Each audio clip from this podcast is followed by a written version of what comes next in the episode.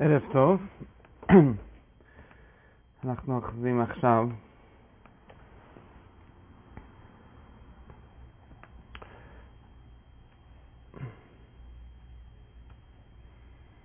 ערב טוב. אז אנחנו הולכים עכשיו ב... אה, ב... להיכנס לחלק השני של השיעורים שלנו, שהוא, כפי שאנחנו הגדרנו, צריכים להיכנס לעניין של הכוונות המעשיות, העניין היותר מעשי של העניין של הסדר של פסח ושאר המצוות של פסח. אז לפני שאנחנו uh, נכנסים לזה, אנחנו רוצים לעשות קצת הקדמה וקצת הבהרה להבין, להבין בעצם יותר בעומק ויותר uh, מסודר, יותר שורשי, את העניין הזה שאנחנו מחלקים פה, כי זה באמת בעצמו עניין מאוד uh, עמוק וחשוב להבין. כמו שכולם יודעים שיש את העניין הזה שנקרא בספרי חסידות, זה נקרא בימים ההם בזמן הזה, שזה אומר שזה כלל שכתוב uh, בכתבי הארי בכמה מקומות, בפסח פה לא כותב את זה, אבל זה כתוב בחנוכה, זה כתוב בפורים. Uh, במקומות האחרים האריזל דורש את זה על הפסוק בימים האלה נזכרים ונעשים. שבכל חג, בכל זמן בשנה, אה, כתוב גם בדרשים של ראש השנה של האריזן, בעוד מקומות, שבכל פעם שיש חג, בכל זמן של זמני השנה, בזמנים המקודשים, יש אה, חזרה על, ה, על האור, או העניין של המאורע שהיה בזמן, ש... באותו זמן של הנס, כאילו, והחלק הרוחני של זה, החלק הסוד של זה, הוא חוזר בכל שנה. וזה זה כלל שכולם מכירים בפנימיות הזאת. ואנחנו צריכים באמת להבין את, את הכלל הזה הרבה יותר בעומק והרבה יותר, אה, הרבה יותר מדויק, איך זה עובד ומה זה בעצם אומר. אה, שאנחנו אומרים שיש חזרה, אם זה, הרי זה לא בדיוק נכון, הרי כן ודאי אה, שאנחנו עושים, כמו לפי הפשט, שאנחנו עושים חג שהוא זכר ליציאת מצרים, אז ודאי שה... שהיה יציאת מצרים, אנחנו עכשיו רק זכר, ובוודאי שאי אפשר להגיד שבאמת זה רק על פי פשט ככה, אבל על פי הסוד זה אותו דבר, כי זה, זה לא נכון. בוודאי שהיה איזה סוד גדול בזה שפעם אחת יצאו ממצרים ואנחנו נשארו אה, יוצאים ממצרים. הרי זה ודאי נכון שאנחנו יכולים לעשות דברים ברי קיימא, זה יותר בעומק להבין את אותו שאלה. אי אפשר להגיד שכל שנה אנחנו צריכים עוד פעם לעשות שבת, או עוד פעם לעשות אה, חנוכה, עוד פעם לעשות פסח. זה הרי...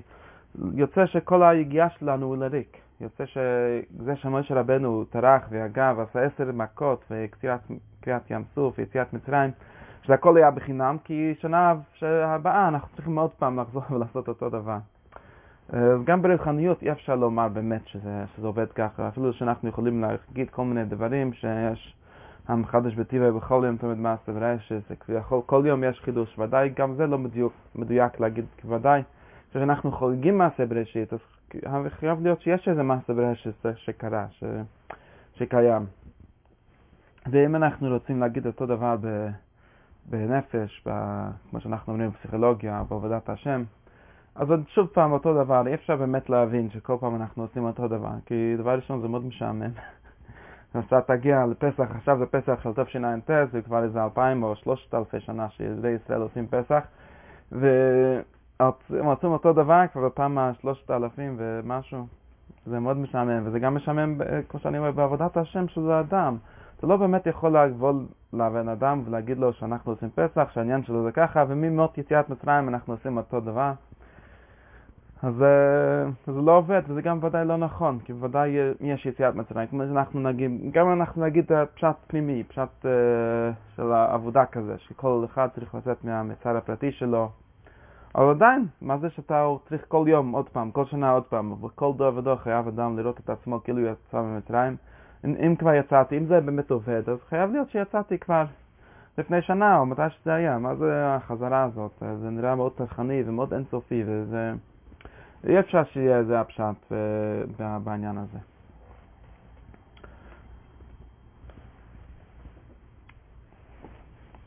אז באמת שאפשר להגיד את זה בהרבה מובנים.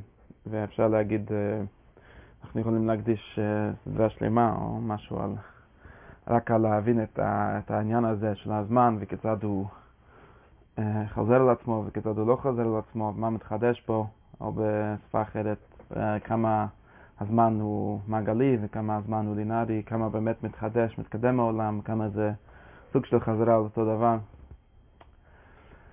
אז אני, אבל אני רוצה באמת עכשיו להגיד את זה במובן הכי uh, מתאים לשפה של האריזון שאנחנו לומדים, ואני חושב שאפשר עם זה להבין הרבה דברים. זה, זה אחד הדברים שאני, כמו שאני אומר כל הזמן פה, שאני מאוד אוהב את הלימוד הזה, שזה נותן לנו כלים, זה נותן לנו מילים מאוד ברורות ומאוד מדויקות ומסודרות, דבר דבור על אופנו, שיהיה אפשר להבין את כל העניינים האלה. אז אני רוצה להגיד שני דברים על העניין הזה. דבר ראשון זה ככה, כפי שאנחנו למדנו בכל הדריש הראשון, למדנו שהעניין של פסח, העניין של הגלות באופן כללי, באופן הכי שורשי, הוא זה הסיפור של הניצוצות, או הסיפור של שבירת הכלים, או הסיפור של הניצוצות שנבזרו בחטא הדם הראשון, או בחטא של הק"ל שונה שהוא עשה ניצוצות קרי.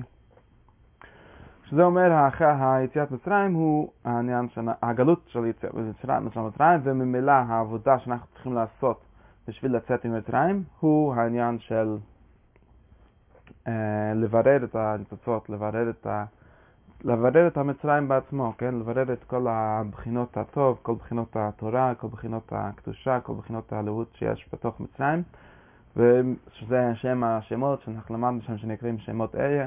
ושם קרים עשרה דמים, ואם אנחנו מברים את אותם דמים, אז אנחנו יכולים לצאת ממצרים. אז עכשיו צריך באמת להבין שאם אנחנו חוגגים את היציאת מצרים עוד פעם, בשנה, לשנה אחרת, לשנה הבאה, זה אומר שבעצם יש עדיין אותו סיפור, אותו, אותו סיפור בדיוק. כלומר, אותו סיפור, כמו שאנחנו לומדים, שמזה שאנחנו מבררים את, את הכלים האלה, מבררים את האורות האלה, וזה אנחנו מעלים את, את מבחינת מן, זה שנקרא, ובזה אנחנו ממשיכים, אנחנו ממשיכים ייחודים חדשים, ובזה אנחנו ממשיכים את, כמו שהדגשנו הרבה, כמה זה ייחוד חדש באמת. ואנחנו ממשיכים ייחודים חדשים ועושים מזה את ההערה הגדולה של יציאת מצרים. שבעצם זה נשאר ככה, אותו חוקיות, אותו סיפור הוא עדיין קורה. והוא עדיין קורה במובן שאנחנו באמת עוד לא סיימנו לברר את, ה, את הבירורים האלה ברמה שאנחנו עכשיו.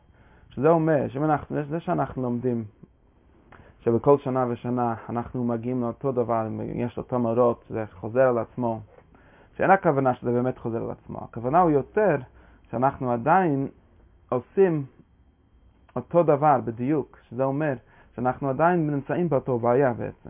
זה בעצם הסוד פה. כמו שאנחנו אומרים שיציאת מצרים זה היה בירוש שלם של החלק הזה ש... שעולה במצרים ומזה נהיה שמות ומזה נהיה ייחודים ומזה נהיה הגאולה. כך בעצם בדיוק כל ש... בכל שנה, בכל, בכל כל שנה, או אפשר להגיד בכל דור, אבל בכל שנה באופן הכי פרטי, יש לנו את כל הסיפור הזה. או במילים אחרות, היציאת מצרים בעצמו, המוחין האלה שאנחנו שצריכים לרדת לעולם, הייחודים האלה שצריכים לקרות ביציאת מצרים, האיה הזה, ההוויה הזה, כל הדברים האלה הם לא נשלמו ביציאת מצרים. אם היו נשלמים עד הסוף, אם היו נשלמים לפי כל הפירוט שלהם שהיה אפשר להיות, אז אנחנו באמת לא היינו עושים עוד פסח. אם אנחנו עדיין עושים פסח, אז זה סימן שאנחנו, יש עדיין קצת, אנחנו עדיין קצת בתוך מצרים. או במילים אחרות, אנחנו צריכים עדיין לעשות אותם בירורים ואותם אותם עבודות, אותו סדר בדיוק שהיה, שהיה ביציאת מצרים, שאנחנו אה, בחלק השני של השיעור הזה נתחיל להבין את הסדר שהיה ביציאת מצרים וכיצד אנחנו חוזרים על זה. אבל אנחנו צריכים לעשות אותו דבר בדיוק. וזה נקרא בלשון הערה, והרשש כותב את זה מפורש בהקדמה שלו לעניין של פירם, שהוא כותב שזה בעצם החוק, שבכל שנה ושנה אז יש, יש כאילו לוח שנה כזה, שהוא נוצר על ידי הניסים הראשונים, ואנחנו נגיע לזה, אבל יש, יש לוח שנה כזה, שזה אומר. השנה מחולקת ל...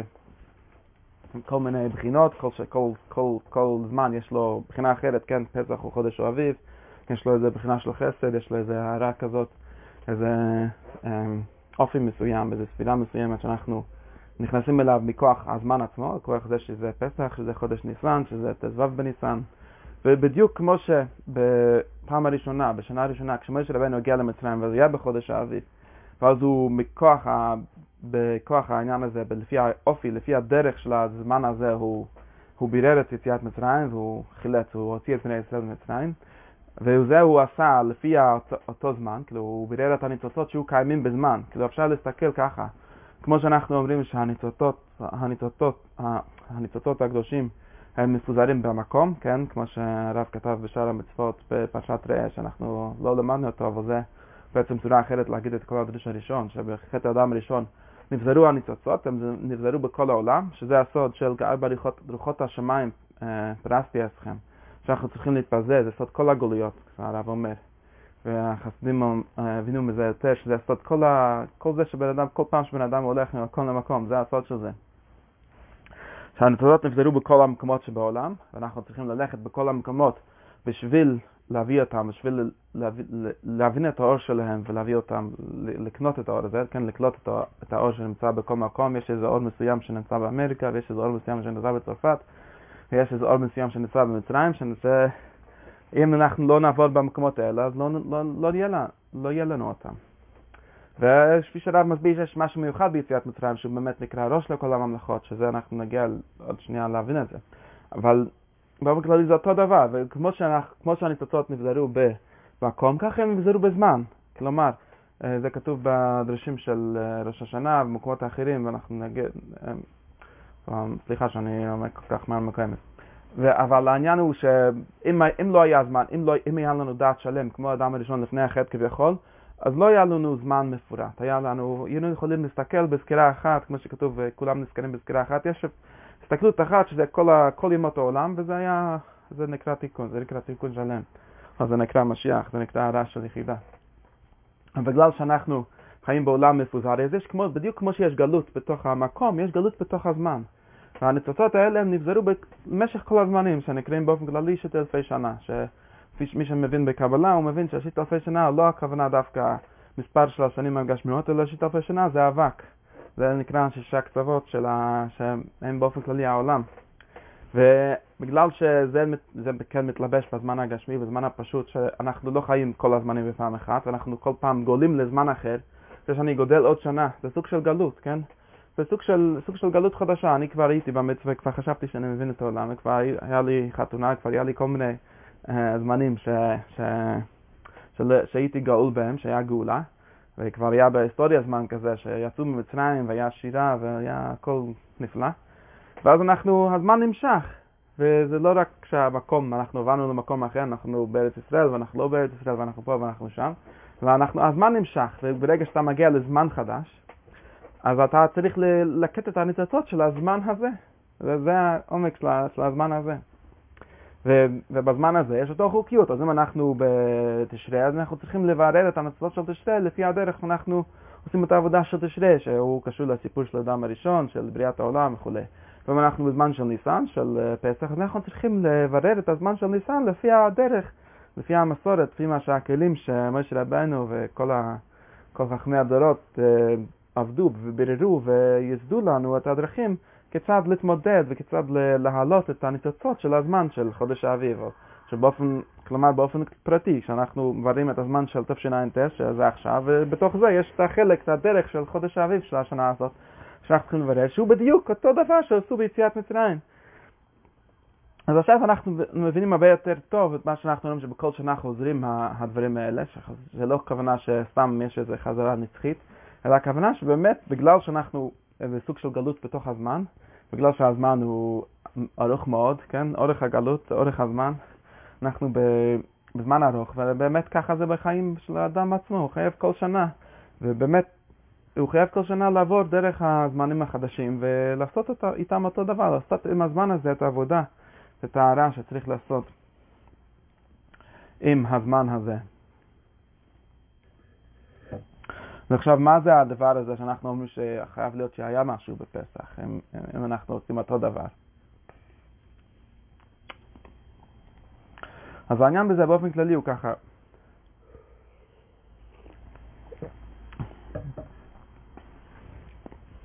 העניין בזה באופן כללי הוא שבאמת יש הסתכלות הוא יותר גבוהה.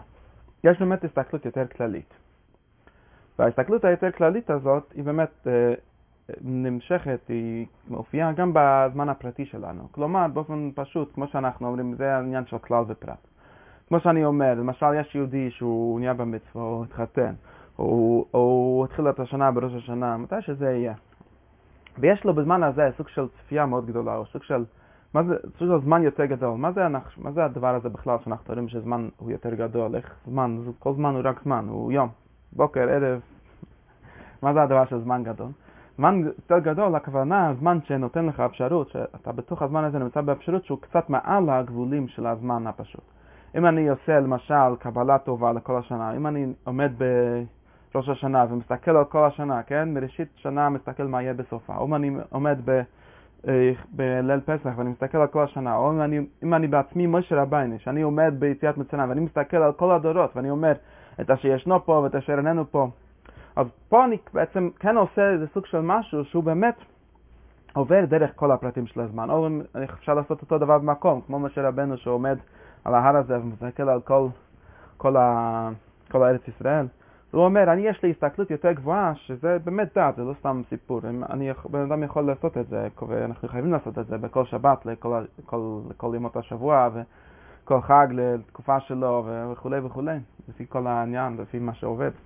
ואנחנו צריכים באמת להסתכל להסתכלות יותר גבוהה. אני, אני מקבל, אני באמת מסתכל על כל, ה, כל העתיד של מה שיהיה בכל השנה, על כל, ה, כל הימים הפרטיים שאני אעבור בהם, ואני עכשיו כבר עושה את התיקון השורשי, עכשיו אני כבר מברר לעצמי במוח שלי מהקליפות, אני, מה זה נקרא לברר את עצמך מהקליפות? זה נקרא שאני פשוט מסתכל על כל המחשבות וכל הבלבולים, כל ההטרדות שיהיו לי, ואני עושה להם בירור, בירור, אני, אני מעביר את עצמי, המילה בירור היא מאוד, מילה מאוד מדויקת, מאוד טובה למוח של האדם. אני פשוט מיישב את דעתי, אני פשוט אומר שזה ככה וזה ככה, וזה לא, לא מאוד לבלבל אותי, זה יהיה ככה וזה יהיה ככה, ויש דברים יותר חשובים, יש דברים פחות חשובים, זה נקרא לעשות בירור. ואז, כשאני מגיע ל, ליום הזה שאני תכננתי כבר, אז אני באמת, אז ודאי שאני צריך לעשות אותו דבר עוד פעם, כן? אני לא יכול ללכת לישון מראש השנה ועד ראש השנה ולהגיד, קיבלתי על עצמי החלטות טובות בראש השנה, עכשיו אני לא צריך לעשות שום דבר כל השנה. אני ודאי עושה דברים בכל יום, וודאי שאני עומד, עומד בפסח ואני מסתכל, נגיד, על חצי שנה, כן? פסח הוא באביב, בחג נדונים, בפסח אנחנו דנים על, על התבואה של השנה, כן? אנחנו אומרים שעכשיו מתחיל הקיץ, אנחנו מסתכלים על כל הקיץ, אז בכל הקיץ אני כבר אהנה מזה, אבל זה לא אומר שאני לא צריך לעבוד, לעשות שום דבר. אבל זה נקרא שאני, כשאני אגיע לזמן שהסתכלתי עליו כבר, כמו שאני התחלתי בהקדמה, כל הכוח של הכוונה והמחשבה. זה נקרא בעולם המחשבה, או מה שאנחנו אומרים באופן יותר כללי, בעולם של בינה. כלומר, לא, באופן, לא בעולם של ואק, כל המועדים הם נקראים באופן הכי כללי, אנחנו נגיד לזה, ש... הם נקראים הערה של בינה, שזה אומר, אנחנו למעלה מאבק. אבק הוא החלוקה הזאת של ששת אלפי שנין. אז המועדים זה העלייה למקום הזה שאנחנו אומרים, אני יכול להסתכל על כל השבוע, על כל השנה, במבט אחד. ואני יכול לתכנן אפילו באופן מפורט מה יהיה בכל שנה, בכל שבוע, בכל חודש, בכל, בכל זמן כזה. ואז כשאני מגיע לאותו חודש, אז אני כבר, חצי מהעבודה שלי כבר עשויה. כלומר, החלק המחשבתי, או בעצם, איך אנחנו נבחין את זה, אבל חלק מסוים, החלק, החלק העיקרי של הבירור, אני כבר יודע מה צריך לברר, אפשר להגיד ככה, אני כבר לא, לא לגמרי מבולבל, זה לא שאני כבר לא יודע בכלל מה אני צריך לעשות, אני כבר יודע, רק אני צריך ליישם את זה, אני צריך... היישום של זה הוא בעצמו סוג של בירור, זה לא, אין הכוונה שאני רק, הכל מבורר במוח ואני צריך לברר. זה עדיין סוג של בירור במוח, כי יכול, אני יכול להתבלבל מחדש. אבל, אבל באופן כללי אני כבר, כבר מסודר, אני כבר הרבה יותר מסודר. וזה באופן הכי כללי, במילים הכי פשוטות שאני יכול להגיד, וגם במילים הכי מתאימות בדיוק למה שהרב אומר. שזה נקרא החידוש של יציאת מצרים. אם מוישה רבנו ביציאת מצרים, הוא עשה גאולה לכל הדורות. וזה באמת ההבדל בין יציאת מצרים לניסים האחרים, כמו שאנחנו הרבה פעמים שואלים. שקרו הרבה ניסים בעולם, כן? יהושע בן נון עשה ניסים גדולים, והתנ"ך הוא מלא ניסים, וגם אחרי התנ"ך, וכל כל, כל זמן יש ניסים. ומה זה שרק ניסים מאוד מסוימים, וכן, ממש אחד מאלף. נהיים חג, נהיים אה, יום טף, נהיים משהו לדורות. והתשובה לזה הוא פשוט, שמי שצריך להיות משה רבנו, זה לא דבר פשוט. צריך להיות בן אדם שהוא מסוגל להסתכל על כל הדורות, כמו שמשה רבנו אומר בספר דברים, שהוא מסתכל על כל הדורות, הוא אומר את זה מפורש. והוא כבר חושב על זה שיבוא בן וישאל אותך למה אתה עושה את זה, ואתה תענה לו, כן, שזה הסיפור של שאלות הבן בפסח. כלומר, שמי שעשה את הניסים האלה בפעם הראשונה, הוא לא עשה אותם לזמן שלו בעצמו. זה, לא, זה נקרא שהוא לא בירר את הזמן שלו בעצמו, הוא בירר כבר חלק מסוים, כן? אפשר לקרוא לזה החלק של הגר, או אפשר להגיד הפוך, חלק של אבק, לא משנה. החלק מסוים, הוא בירר כבר את ההתחלה של העבודה של כל בני ישראל שיעשו את הפסח כל שנה ושנה. ועכשיו, כשאנחנו עושים פסח, אנחנו לוקחים את מה שלמדנו ממשה רבנו, אנחנו לוקחים את התוכנית שלו, אנחנו גם מתעלים לתוכנית שלו, ומזה אנחנו עושים פסח שלנו, שאנחנו צריכים באמת לעשות אותו בירור עוד פעם, אבל אנחנו עושים אותו, שזה זה נקרא נכסים מחדש, אבל זה לא חדש בכלל, זה, זה uh, כביכול פרדוקס, אבל זה מאוד, מאוד מובן, לפי שאנחנו, לפי מה שאני, לפי שאני אומר את זה עכשיו. זה באופן הכי כללי להבין את העניין. אז בגלל זה, כמו שאנחנו, מה שאנחנו אומרים, שהיה שיעורים ראשונים, כן, אני, מהדרוש הראשון באופן כללי בשאר הכוונות, שמדבר באופן כללי את כל הסיפור הזה של הבירורים ומה בעצם הבעיה של הגלות וכיצד אנחנו יוצאים מהגלות, שזה חלק מאוד, אה, חלק חצי, חצי ראשון של הסיפור, שאנחנו בעצם, אפשר להגיד שזה קיום המצווה של סיפור יציאת מצרים, שאנחנו מספרים את הסיפור הזה. ועכשיו אנחנו מגיעים לחלק שני שהוא יותר מפורט את הכוונות של המצוות ומה אנחנו עושים, שעל ידי הכוונות האלה אנחנו אומרים להחזיר, כלומר לא, לא רק לספר את הסיפור אלא גם לעשות אותו פעולה, לברר את אותו בירור של, שהיה אז בליל פסח הראשון, שאנחנו עושים אותו בשנה שלנו, שהוא ברירים חדשים לגמרי, אבל אנחנו עושים אותם בכוח זה שאנחנו הבנו את הסיפור, בכוח זה שהסיפור כבר קיים, בכוח זה שאנחנו כבר באופן כללי, במבט יותר כללי מבינים מה אנחנו צריכים לעשות, בכוח זה אנחנו עושים את הבירור החדש שלנו ואת הפסח החדש שלנו. עכשיו, אני, הדבר השני שרציתי להגיד על, ה, על העניין הזה הוא קצת כיוון הפוך. שאנחנו, אם אנחנו מבינים את החלוקה הזאת, כמו שאני אומר, נגיד החלוקה של הדרוש הראשון פה, שהוא גם נמשך אולי דרוש השני או השלישי, שהם לא בדיוק, אבל... והדרוש השישי בעיקר, שכל המקובלים, אם אנחנו, מי שהולך לשיעור של מקובלים רגילים, בדרך כלל, הם הרבה פעמים מתחילים רק מהדרוש השישי, או מתחילים מהעניין של מה אני אמור לכוון בכוס הראשון, ומה אני אמור לכוון בכוס השני, ומה בדיוק אני מכוון בכוס השלישי, ומה במצב, ומה במרור. ויש קצת דילוג על, ה, על כל הסיפור הזה שאנחנו הערכנו בו מאוד. והסיבה לזה היא מובנת, כן? בני אדם שפשוט לא רוצים לעשות את העבודה, הם לא רוצים כל כך להבין, כן? יש חלוקה כזאת בעולם בין אנשי המחשבה לאנשי הכוונה, כמו שהקדמנו. יש אנשים שקוראים להם אנשי מחשבה שהם אוהבים לעסוק בחלק הראשון של הסיפור. ויש אנשים שקוראים להם אנשי כוונה שהם הולכים לעסוק בפרטי פרטים של כיצד נחשוב וכיצד נתכוון למצב, למרור ולליל פסח באופן כללי וכל הדברים האלה. ויש איזשהו נתק בין שני האנשים האלה, לא רק בין שני האנשים האלה, גם באמת בין החוכמה לבינה נהיה כזה נתק, בין המחשבה לכוונה נהיה כזה נתק. כי אה, אנחנו לא יודעים כיצד זה מתקשר, אנחנו אומרים כן זה אותו דבר, אבל זה, זה סיפור, זה סיפור לבד, מה שאנחנו עושים בפועל זה לא לחשוב על הסיפורים האלה, כן? אפשר, זה מצוות לימוד תורה, מצוות סיפור יציאת מצרים, אבל זה לא מה שאנחנו עושים, מה שאנחנו עושים זה לשתות כוסות, ואם אנחנו, אתה רוצה לעשות גם בפנימיות, אתה רוצה לעשות בכוונה במוח שלך גם לעשות איזה משהו, אז תכוון מה שכתוב לכוון, ו, אבל אתה לא יכול באמת לכוון, זה משהו שצריך להבין. אי אפשר לכוון את הסיפורים השלמים ואת המערכות השלמות שאנחנו לומדים. מי שהולך לשיעור של מחשבה לפני פסח, אבל בדרך כלל זה מאוד טוב, זה, זה מאוד מאוד חשוב, זה מרומם את המוח, אתה, אתה מבין איך זה עובד. אבל אי אפשר לעשות מזה שום דבר מעשי, זה, זה באמת בעיה, צריך, באמת שאלה שצריך לשאול את כל מי שמלמד מחשבה. בסדר, אנחנו, אתה הסברת לי שפסח זה כזה וזה כזה וזה בעניין הזה ועניין הזה, עכשיו אני מגביה את הכוס שלי לעשות קידוש, נו, מה נעשה עם זה? שאני אחשוב, אני לא יכול לחשוב, זה לא הזמן לחשוב, זה לא אפשרי בכלל. אה, אני יכול ללמוד, זה לא עכשיו הזמן ללמוד, עכשיו הזמן לעשות קידוש. והתשובה לזה של המכוונים הוא שאתה עכשיו תכוון, ואתה תמצית של זה, תכוון את השם הזה שהוא מכוון לכוס של הקידוש, שהוא בעצם ה... האור שאנחנו מנסים להביא מכל הסיפור הזה.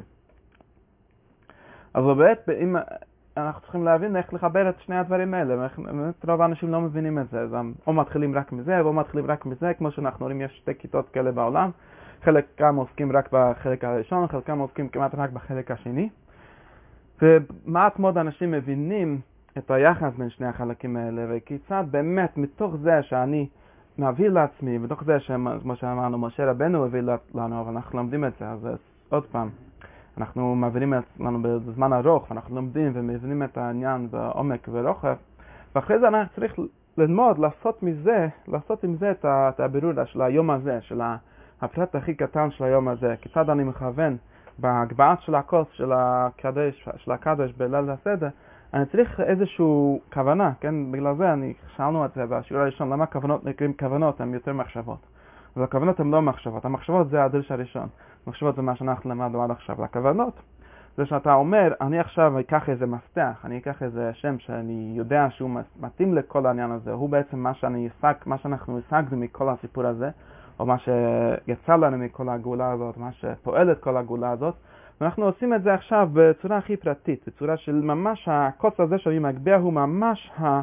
כביכול, ה... כמו שחז"ל אומרים, הלשונות של גאולה, הוא ממש, הוא ממש הביטוי בזמן הכי פרטי של זה, בכוס הכי פרטי של זה, והיין הכי פרטי של זה, והאני שלי, כן, כל אדם באדם חייב לראות את עצמו, הוא עכשיו היישום של היציאת מצרים, ובגלל זה המקובלים נכנסים לפרטי פרטים של ה... איך כשאתה מגביה את הכוס, נגיד אתה יוצא ממצרים, כן? נגיד משהו כזה, לא כתוב, אבל זה, אנחנו יכולים לחשוב גם לבד, כן? וזה זה באמת חוכמה מאוד עמוקה, שמעט מאוד אנשים מבינים את זה, ומי שזוכה לחבר את המחשבה ואת הכוונה, לחבר את החוכמה והבינה, זה נהיה ייחוד מאוד עליון, זה נקרא ייחוד חוכמה ובינה, ומזה נולדים כל החידושים האמיתיים, כל החידושים ששווה לספר עליהם באמת בסיפור יציאת מצרים, הם נולדים מתוך הייחוד הזה.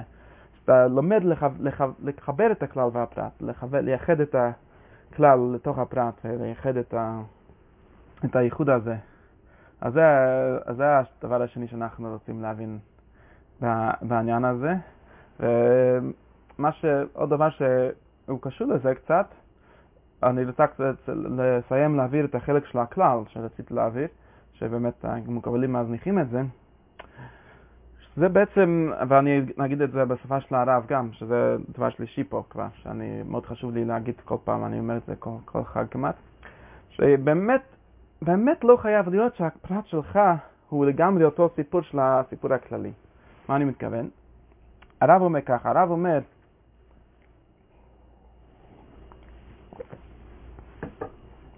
אני אגיד מה שאומר בדריש הזה, בדריש השני בעצם. יש זמן זמן של המויכין, כן? אנחנו למדנו את כל הסיפור הזה בדימוי של הילד שנולד, תינוק שנולד, והוא נהיה ילד, והוא נהיה גדול, והוא נהיה במצווה, והוא נהיה בן 20, והוא מקבל את כל המויכין. זה אומר שזה לוקח 20 שנה לעשות את כל המויכין. ככה, ככה הרב אומר, ויש לו דריש, עכשיו מי שיקרא, אנחנו נדלג את זה קצת, אבל הדריש השני פה, והוא מורחב עוד יותר בעץ חיים, ובשם המראה רז"ל בפרקי אבות, באותו משנה. אומר יש נשנה בין חמש למקרא, בין שש, ויש עוד הדרגות בחז"ל, כן, הפעוטות, אה, כל מיני הדרגות של כמה אדם נהיה גדול. באופן כללי זה לוקח 20, לפחות 20 שנה להגיע למצב הגדלות הרגילה, ואחרי זה יש עוד מדרגות. אז לוקח 20 שנה, והוא מסביר שזה בעצם המויכן שאנחנו מדברים עליהם, שהמויכן בקטנס א', וקטנס ב', וקטנס א', וקטנס ב', צריך להיות 20, בעצם 30 שנה אולי, להגיע למצב שאנחנו מגיעים ליל פסח. או בכל שבת, כן? ובשבת ומנחה, בשבועות אנחנו צריכים להיות בן 70. וזה הסיפור של זה. ו... ורב שואל כאילו על עצמו שאלה, אז אתה אומר שזה לוקח 20 שנה, ועכשיו מחר אתה אומר לנו, ובכל הכוונות אתה אומר לנו שבכל תפילה צריך להבין את כל הכוונות האלה. אז מה זה הדבר הזה שזה לוקח 20 שנה, שזה לוקח אה, חצי שנייה? והתשובה שהוא אומר, שבאמת בזמן בריאת עולם זה לוקח 20 שנה. וזה כמו שאמרתי מקודם, שבפעם הראשונה, בשביל לייסד את הכלל, זה עבודה הרבה יותר עמוקה, ואני לא בטוח שאמרתי את זה, אז בגלל זה אני אומר את החלק הזה. באמת משה רבנו עשה עבודה הרבה יותר עמוקה ממה שאנחנו עושים בפסח, אפילו שאנחנו אומרים שאנחנו עושים אותו דבר, כי הוא באמת המציא את, ה, את הכלל הזה, הוא באמת עבד על זה, וזה לקח הרבה יותר זמן וזה הרבה יותר עבודה לעשות את זה. ובאותו דימוי, כמו שאנחנו אומרים, לקבל את המויכן של הפסח צריך לקחת 20 שנה, בפעם הראשונה, כביכול בבריאת העולם, לקח 20 שנה להגיע למקום הזה, והמפרשם, השם מסוסן שואל, הוא לא מצא בכתבי הרי שלקח 20 שנה בבריאת העולם. אבל אני חושב שהארי, בגלל שהוא מדבר על המשל של הבן אדם, הוא בעצם מדבר, ודאי שבבריאת האדם לוקח ככה, כן? אנחנו מדברים על גדלס שייני, זה מאוד חמוד לכוון את השמות, אתה יכול להיות ילד ולכוון את השמות. אבל בשביל שזה יהיה באמת, כמו, כמו שאנחנו אומרים באופן כללי, כן? שתבין מה אתה עושה, שזה יהיה נקלט אצלך, בחלק הפרטי שלך, כן? בנפש שלך, ובאמת לוקח הרבה זמן. וזה באמת תשובה אחרת לשאלה ששאלנו מקודם.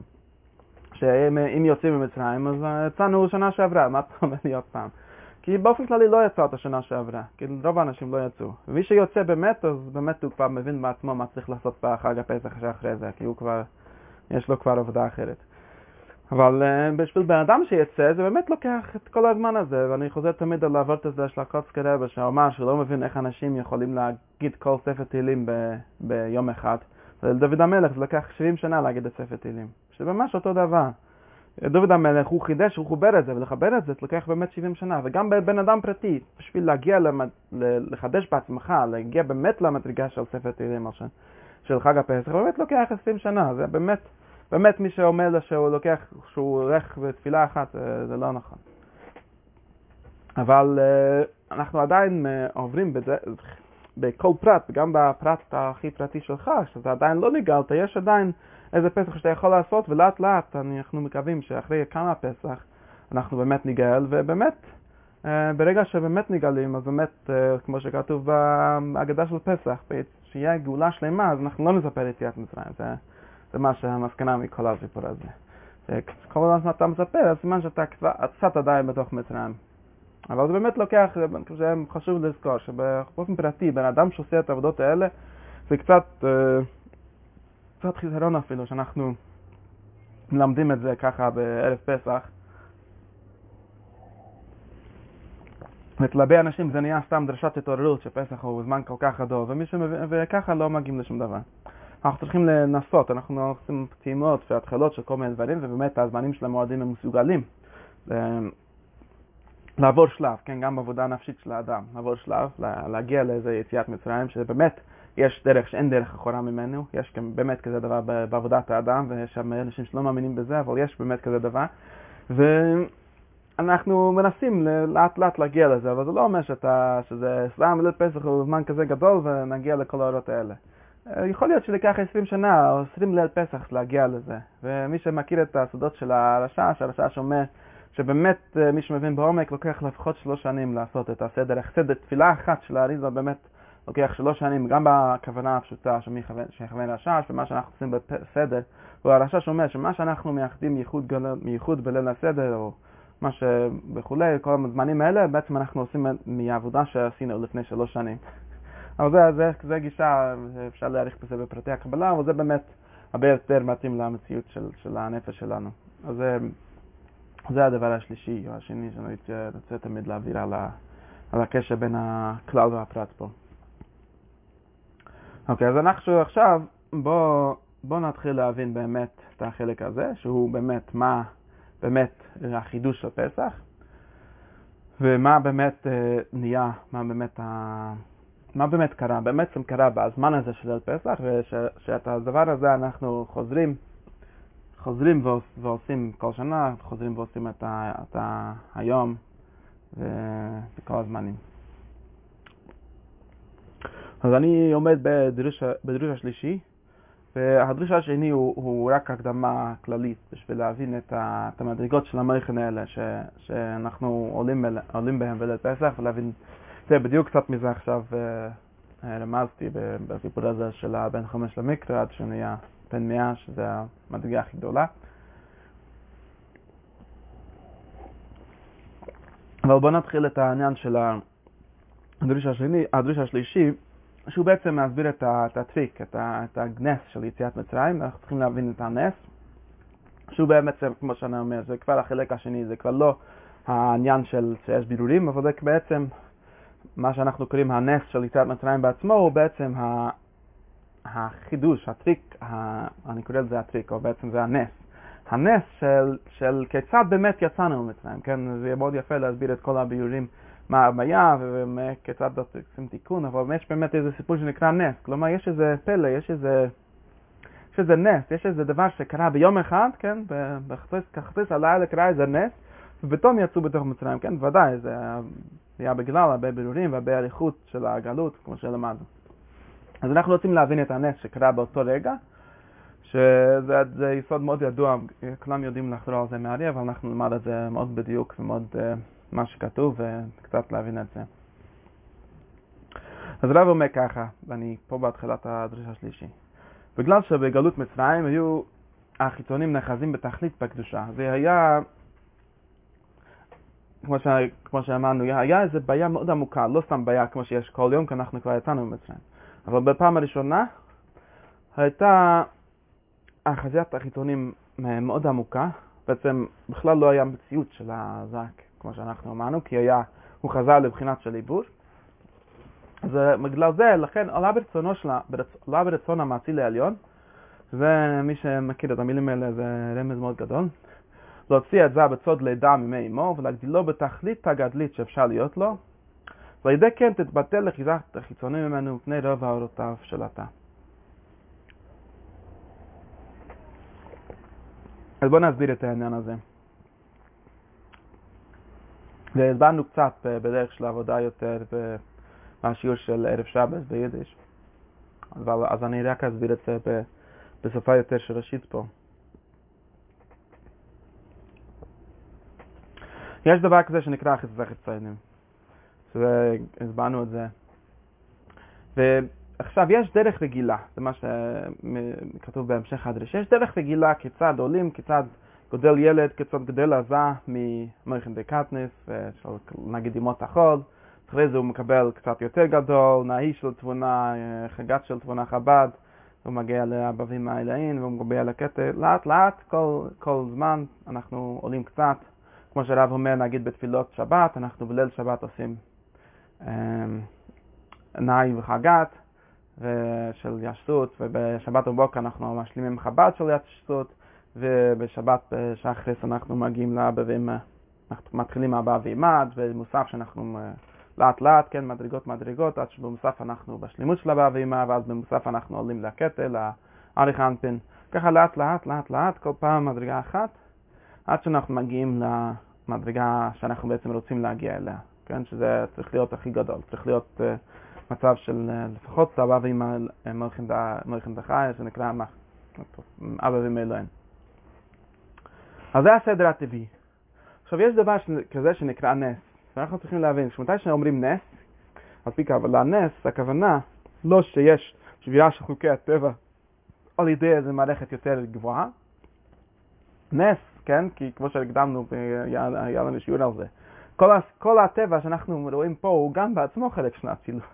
זה לא שיש איזה טבע ומעל זה יש איזה אצילות, יש עולם יותר גבוה מהעשייה ושם אפשר לעשות מה שרוצים. אין כזה דבר לעשות מה שרוצים, ואין כזה דבר שהעולם הזה הוא מחוץ לסיפור. אז יש שיש חוקיות, יש שיש uh, חוקי הטבע, יש, יש, יש סדר בעולם הזה, אותו סדר בדיוק הוא הסדר הרוחני, כי זה מגיע מהסדר הרוחני, זה באמת בעצמו הסדר הרוחני. אז את, זה מכתוב, מה שאנחנו אומרים, כל פעם שאנחנו אומרים שיש נס, צריך להבין הכוונה בזה, שיש איזה מה, סיפור שקורה, יש איזה מאורע שקורה, יש איזה פלא שקורה, בעולם הרוחני עצמו, באצילות עצמו, קורה איזה משהו שיוצא מסדר הרגיל. יש סדר רגיל, שאנחנו כיצד אנחנו מבררים את הבירורים וכיצד אנחנו עושים את העליות, כיצד אנחנו מגיעים במוח שלנו למדרגות יותר גבוהות. יש סדר בזה, יש טבע בזה, יש חוקים טבעיים בזה, יש חוקים, הם לא טבעיים כי אנחנו כבר לא מדברים בעולם ש... של המוחש, אני בעולם מושכל לגמרי. ויש שם גם חוקים, יש חוקי, חוקי המחשבה, חוקי האצילות, יש שם חוקים. ונס, כל פעם שכתוב שקורה נס, הכוונה בזה הוא שבירה, או חריגה, אפשר להגיד, שבירה או לא מילה טובה, חריגה של הסדר האל-טבעי לסדר אל-טבעי אחר. זה הכוונה של נס. אז כשאנחנו אומרים שקורה נס פסח או קורה נס פירי, נס חנוכה, כל הנסים הרב מסביר בכל אחד מהם מה בעצם קרה, שקרה משהו שלא לפי הסדר הרגיל. מה שאנחנו יכולים להגיד את זה בצורה של עבודה, זה עניין נקרא באופן כללי החסות של בעל תשובה, כן? יש צדיק שהוא הולך לפי דרך הטבע, הוא יש סדר, צריך לקודם, כמו שאני אוהב להגיד, קודם צריך ללמוד ניגלה, ואחרי זה ללמד דמניסטר, ולאט לאט, בין חמש למקרא, כמעט כמו הסדר, בין חמש למקרא, בין עשר למשנה, בין חמש עשר לגמרא, וכולי וכולי, עד שאולי הוא בין הבאים הוא מקבל בינה, כן? זה נקרא סדר טבעי, וככה באמת הסדר של האצילת, הסדר של ההצלה הוא ככה. ויש סדר לא טבעי, והסדר הלא טבעי הוא, הוא מופיע לפי הצורך שצריכים אותו, יש, יש, יש דרך להבין אותו גם, זה לא שהוא מגיע סתם בשרירותיות, הוא מגיע כשיש יש, יש דרך כיצד להביא אותו ומה צריך לעשות בשביל להביא אותו, ואני אדבר על זה גם, אם יהיה לנו זמן, או שנדבר על זה מחר. אבל יש, יש סדר אחר, והסדר הזה הוא כמו שנגיד הסדר של בעל תשובה, ובעל תשובה אומר, אין לי זמן לעבוד על כל הדרך הזה, כי אני, אם אני אעבור את כל הדרך הזה, אני אתחיל בפשט, ואחרי זה אני אעלה לדרש ורמז וסוד, וככה לי 40 שנה, אבל אני כבר בן 85, אז זה כבר זהו, כבר נגמר הזמן. אז אני צריך לעשות קפיצה, אני צריך להגיע ליד לבינה. ויש כוח, יש משהו שנקרא שאין, במקום שבעלי תשובה עומדים, אין צדיקים גמורים יכולים לעמוד, יש סיוע שנקרא סיוע, שהשם רוצה, הבא בולטיים וסיינוס, מי, ש, מי שעושה תשובה הוא מקבל סיוע, סיוע מיוחד, שהוא באמת עובר את כל ה... זה לא, לא קפיצת דרך, זה לא, זה לא קפיצת הדרך שהוא, הוא, כן, הוא, הוא נהיה מתבלבל לגמרי, שזה גם קורה, אבל כמו שזה באופן מתוקן, יש באמת דרך כזאת, יש באמת אפשרות לעשות קפיצת דרך, לעשות נס. נס רוחני, שאתה מגיע למדרגה שלא לא אמורה להגיע, לה, לה, אתה לא אמור להגיע אליה, ואתה מגיע אליה בדרך נס, בדרך ש... או בשפה אחרת להגיד דרך נס, זה להגיד ברחמי המעציל, או בחסד האל, כן? יש מידת הדין, זה נקרא, מידת הדין זה נקרא דרך הטבע, דרך, זה, אה, כן? אה, זה, זה מידת הדין, או הסדר הרגיל, כן? אפשר לקרוא לזה הסדר של זרע אנפין בעצמו, אבל באופן כללי זה הסדר של מידת הדין, סדר של של דרך הטבע, שכל דבר צריך להיות לפי הפעולה שלך, לפי העבודה שלך, ככה אתה מקבל שכר, לפי המדרגה שלך, לפי ההכנה שלך, ככה אתה מקבל הערה וכולי וכולי. ויש סדר שהוא סדר לא טבעי. סדר לא טבעי זה נקרא חסד, זה נקרא שזה לא, בש... לא בזכותך, לא, בצדקך, לא בצדקך, בצדקתך וביושר לבבך, אלא מאהבת השם. זה, זה בדיוק העניין. כשאנחנו אומרים שהשם הוציא אותנו ממצרים, כמו שכתוב, כן? כי אה, לא בזכות, אלא בזכות זכות הברית וזכות החסד, זה נקרא שאנחנו אומרים שיש שבירה של החוקים הרוחניים. יש חוק רוחני שנקרא שכר ועונש, שנקרא מידה כנגד מידה, שנקרא צריך ללכת לפי סדר מסוים. יש שבירה של החוק הרוחני. השבירה של החוק הרוחני, החריגה מהחוק הרוחני אומר שההוואי, השם יכול לעשות דברים ברצונו בלבד, ברחמים בלבד. יש רחמים שאומרים שאנחנו עכשיו יכולים לעשות איזה חידוש, איזה קפיצה, איזה ייחוד שלא אמור לקרות לפי הסדר. והסיבה לזה הסיבה שאנחנו צריכים לעשות את, ה, את החריגה הזאת, הוא כמו שהוא אומר, בגלל תוקף אחיזת החיצונים, שזה אומר, כי אם אנחנו היינו הולכים בדרך הרגילה, אם היינו הולכים לפי הסדר, אנחנו אף פעם לא היינו מגיעים. ו... וזה זה, זה מאוד, מאוד בפשטות העניין הזה, זה לא פשוט, זה, זה, זה הסיפור פה, אבל זה גם בפשטות מה שאמרתי. אם, אם תלך בסדר, כמו שהמשל של בעל תשובה, או כמו... Um,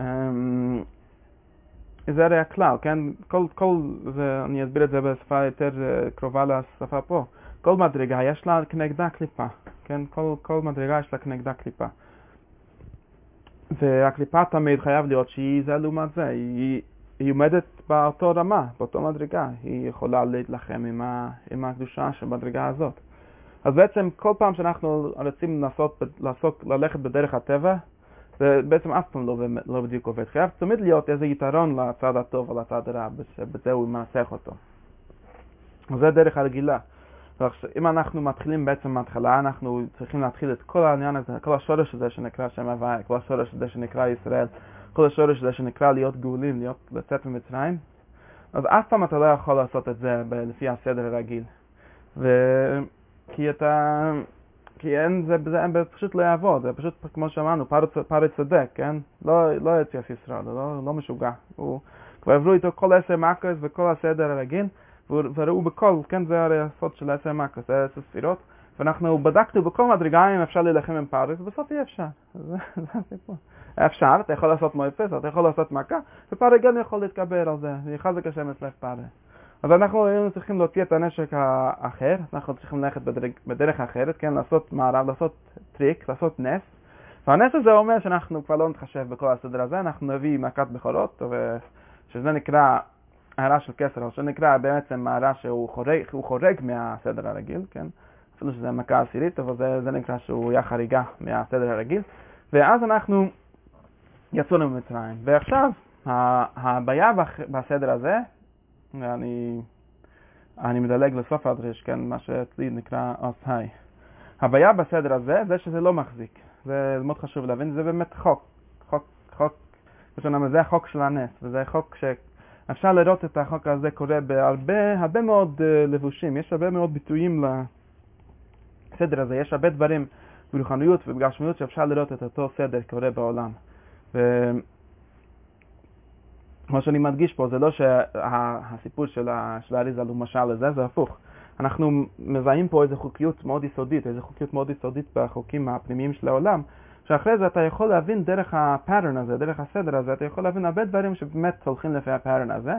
ומה שקורה, וזה גם קשור בעצם לחזור לחלק הראשון של השיעור שלנו, שאחרי שיש לך את ההארה הגדולה הזאת, אחרי, אחרי המקום של לבעלי התשובה העומדים האלה, יש פתאום נפילה מזה, והנפילה הזאת היא, היא לא פשוטה, היא באמת נפילה מאוד, מאוד מסוכנת ומאוד חשובה, ואנחנו יכולים לראות את זה כבר בסיפור הפשוט של, ה, של יציאת מצרים, שאנחנו רואים שאחרי שלוש, שלושה ימים שיצאו ממצרים, הוא פרי כבר רודף אחריהם עוד פעם, וצריך לעשות עוד נס של קריאת ים סוף, שקריאת ים סוף, לפי הלימוד של הארי, נקרא שבעצם כבר עשינו כבר קצת את השלב השני, שזה נקרא ספירת העומר. ספירת העומר הוא בעצם אומר שאנחנו, היה לנו את האור הגדול של ליל פסח, שהחזיק יום אחד בלבד, שזה, בכוח האור הזה יצאנו, אם לא היה אור זה לא היינו יוצאים אף פעם, אי אפשר לדלג על השלב הזה. ואחרי איזה רגע, עוד רגע אנחנו כמעט חזרנו למצרים, כבר, כבר אמרנו, כבר אמרנו ניתנה ראש ונשוב למצרים, כבר אמרנו, בסדר, כנראה לא עבד, התשובה לא עבדה. ועכשיו אנחנו צריכים בעצם להמשיך, אבל זה לא פשוט להמשיך, כי מי, ש, מי שלומד את הכוונות של ספירת העומר רואה שאנחנו עדיין עושים אותו, אותם דילוגים שעשינו בליל פסח, אנחנו עדיין נהגים באותו סדר, זה לא בדיוק כמו שכולם אומרים שאנחנו בספירת העומר הולכים בסדר טבעי, זה גם לא סדר טבעי. כי סדר טבעי זה לא, לא משהו. אבל אנחנו, מה שאנחנו צריכים לעשות זה בעצם לחזור ולעשות אותו עבודה בתהליך יותר איטי, אפשר להגיד את זה נכון, זה יותר איטי, בתהליך יותר מסודר, אבל לפי מה שלמדנו מיום הראשון, כן, אסור לשכוח את יום צאתך מעץ ישראל. למה, אסור לשכוח את יום צאתך מעץ ישראל? כי זה משהו שאפשר לשכוח. למה אפשר לשכוח? הרי אנחנו יצאנו ממצרים, מה זה אתה אומר שתשכח? תשכח, כי באמת היה אמור לחול על זה דין שכחה. למה היה אמור לחול על זה דין שכחה? שזה באמת מנותק מהמצב הרגיל, זה באמת נס. כל, על כל נס היה אמור, היה אמור להישכח, כי מה שאנחנו זוכרים זה מה שאנחנו נמצאים במצב עכשיו. אה, כן, אם אני עכשיו במצב ש... שמתאים לי משהו, אז אני זוכר אותו. זה נמצא בעולם המושגים שלי. משהו שלא בעולם המושגים שלי, הטבע של האדם הוא שהוא שוכח אותם. זה אפשר לראות המון דוגמאות לזה. וזה היה אמור להישכח ביציאת מצרים, אבל יש דין מסוים שצריך לזכור כל יום יציאת מצרים, שאומר שגם העבודה הרגילה שאנחנו עושים, כמו שאנחנו אומרים, העבודה של ספירת העומס, אומר שאנחנו הולכים לאט לאט, שבע פעמים שבע, לעבור על כל הסדר הזה של ספירת העומס, זה עדיין הולך עם הזכירה של יציאת מצרים, אבל בכל, בכל, בכל אופן זה השלב השני כאילו, ואז אנחנו מגיעים לשבועות, שזה באמת, אז אנחנו מגיעים למדרגה אפילו יותר גבוהה שהגענו ביציאת מצרים. ולפסח, שזה נקרא, שסיימנו את העבודה פעם שנייה. אבל באמת, אז, אז רק לחזור להבין את הפשט, אז בגלל זה, אז רב אומר שיש בעצם שני שלבים פה, כאילו יש שבע פעמים שבע, אז שביעי של פסח הוא כבר הפעם הראשונה שבע. אז זה נחשב באופן אה, יותר שורשי, אבל באופן אחד זה נחשב שכבר עשינו את העבודה הזאת של ספירת העומר. בגלל זה ביציאת, בקריאת ים סוף יש באמת אה, יציאה, יציאה יותר עמוקה, יציאה יותר מסודרת ממצרים, שאנחנו כבר לא בסכנה ממצרים. אז באמת מי שמבין שזה באמת נמשך, מה שאנחנו אמרנו, זה נמשך עד היום. זה שאנחנו עדיין זוכרים את יציאת מצרים, זה נקרא שאנחנו באמת לא סיימנו את העבודה. זה מי שלמד איתנו, אנחנו ראינו שישוע בן נון, כשנכנסו לארץ, הוא עשה להם ברית מילה, הוא אמר, היום גלויסי חרפס מצרים מעליכם. שהכוונה הפשוטה בזה שבאיזשהו מובן הם לא יצאו ממצרים, יצאו, והגוף שלהם יצא ממצרים, אבל לא היה להם את כל המכן של יציאת מצרים, כי זה עדיין בושה. כל המצרים היו אומרים עדיין, המצרים שבתיאוריה, המצרים שבלב, היו אומרים, כן, יצאתם, אבל אתם תקועים במדבר, אתם לא אף פעם לא מגיעים לאיפה שאתם צריכים להגיע, ורק כשהם הגיעו לארץ ישראל ועשו ברית מילה, אז הם התייחדו לתור עם ישראל בארץ ישראל, אז אנחנו בעצם יצאנו ממצרים בשלימות, זה כבר השלימות שלישית של יציאת מצרים. אבל זה, זה חוק uh, בכל, ה, בכל הדברים, שיש uh, יש הערה ראשונית, יש, יש אפשר לקרוא לזה הונימון כזה, הונימון פייס, או אפשר להגיד את הצפייה, אפשר להגיד, להגיד את זה בהמון משלים, שאנחנו גם בעצמנו מזכירים כל מיני משלים כאלה, אבל זה באופן יותר שרשי, זה חוק יסודי בבריאה. אי אפשר לשבור את המצב של הגלות, את החיסוס החיצוניים, בלי הערה הכי גדולה, לא שאנחנו הולכים לפי סדר, יש הערה הכי גדולה. ואז אנחנו לאט לאט בונים את זה לפי, לפי הסדר, לפי לפי המצב, לפי מה שבאמת אפשר, לפי, לפי, לפי המצב שאנחנו שם, ועד שאנחנו מגיעים באמת ל... ליציאת מצרים מושלמת, לעשות את זה, שזה יהיה שלנו, שזה יהיה אמיתי, שזה לא יהיה רק בחסד, שזה יהיה גם בדין. שיהיה... זה, זה נקרא חג שבועות, זה נקרא שבועת ספירת העומר. אז זה באופן כללי הנס של יציאת מצרים, שהוא נס רוחני, שהוא הנס שאנחנו, שהנס הזה באמת קורה, שזה באמת, היסוד הזה הוא באמת לימוד מאוד עמוק שאנחנו צריכים ללמוד לכל העניינים הפנימיים וכל העניינים אפילו החיצוניים. מי שעושה, מי שעשה שום פרויקט בעולם, הוא יודע שיש בכל דבר, בכל דבר שבני אדם עושים, שולט החוק הזה, זה, זה ממש נפלא, הם מתבוננים על זה. בכל דבר שבני אדם, מה אתה פותח עסק חדש, מה, עושה, מה אתה עושה ריליישנשיפ חדש, מה אתה עושה, כן, מערכת יחסים, אם אתה עושה, כותב ספר, אם אתה רוצה לעשות איזו עבודה פנימית, אז תמיד בהתחלה יש איזה עוד מאוד גדול, שהוא באמת כולל את הכל, ואחרי זה אתה נופל מזה, אחרי זה אתה נכנס לאיזשהו דשטוש שכל יום וכל יום וכל יום ודוחפים את זה ודוחפים את זה, ואז אתה מגיע פעם שנייה, לפחות פעם שנייה, יש באמת פעם שלישית ופעם מיליון, זה חוזר על עצמו כל הזמן. ואז אתה עומד שבעצם לא הבנתי שום דבר בפעם הראשונה, אז היה, הייתי בכזה אורות, כי עליתי ממצרים בשנייה אחת לאיזושהי הערה מאוד גדולה, ופתאום ראיתי שיש אפשרות אחרת, שיש אפשרות אחרת, אבל עכשיו באמת הבנתי את האפשרות הזאת עם האפשרות הזאת ועשיתי את זה באמת. אז זה באמת עוד דרך שמאוד מתאימה ללימוד שלנו, כיצד להגיד את החידוש של יציאת מצרים. ואני מסיים עם זה, שנקרא לראות את האפשרות. זה אומר, הבעיה הכי גדולה של הגלות, כמו שקראנו לזה גלות הדעת, זה כבר בדרך של דריש, אבל העניין הוא שהבני אדם שנמצאים באיזשהו לופ, באיזשהו, אה, הם תקועים באיזשהו מקום, הבעיה שלהם הוא פחות שאין להם כוח להילחם. יש כוח, כמו שאנחנו אמרנו שהקליפה היא חזקה כמו, כמו שאתה חזק, אבל אתה גם חזק כמו הקליפה, זה לא, לא בדיוק קטנה.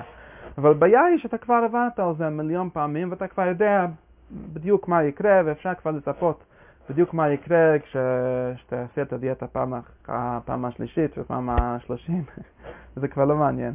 ומה שאנחנו צריכים לעשות, מה האור של הליל פסח, האור העיקרי של הנס, שזה באמת חסד, זה באמת דבר שצריכים לזכות אליו, אבל יש אולי דרכים לפתוח, להיפתח לזה, שנדבר על זה בפעם הבאה, אבל זה, זה החסד של הנס, זה האור הגדול של הנס, שאתה פתאום רואה אפשרות, אפשרות אחרת. פתאום אתה ל, ליום אחד חיית כמו שאתה חושב שצריך לחיות, כמו שלא חשבת אפילו, אבל פתאום הראו לך ביום אחד כיצד אפשר לחיות בעולם הזה בתור גאולה, בתור בן אדם גאול. אז פתאום אתה רואה שזה אפשרי, שיש באמת, זה, זה נקרא, זה נפתח לך פתח.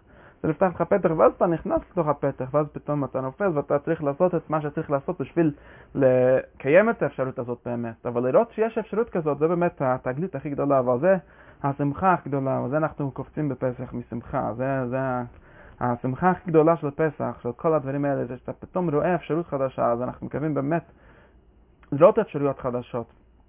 ואז אנחנו כבר נעשה עם זה, אנחנו כבר נדע לעשות עם זה מה, ש, מה שאפשר לעשות, אבל זה, זה הדבר הראשון, זה הנס, הנס הרוחני של, של ליל, של יציאת מצרים, שזה זה שבר את, ה, את הדבר הזה של הגלות שאנחנו היינו תקועים בו בכל המהלך של הגלות, וזה אפשר לנו באמת לחזור ולעשות את העבודה של, ה, של הסיפור בעצמו, ולעשות את העבודה של הבירורים ולזכות במידת הדין, ללכת לפי המדרגות, לתקן כל מדרגה.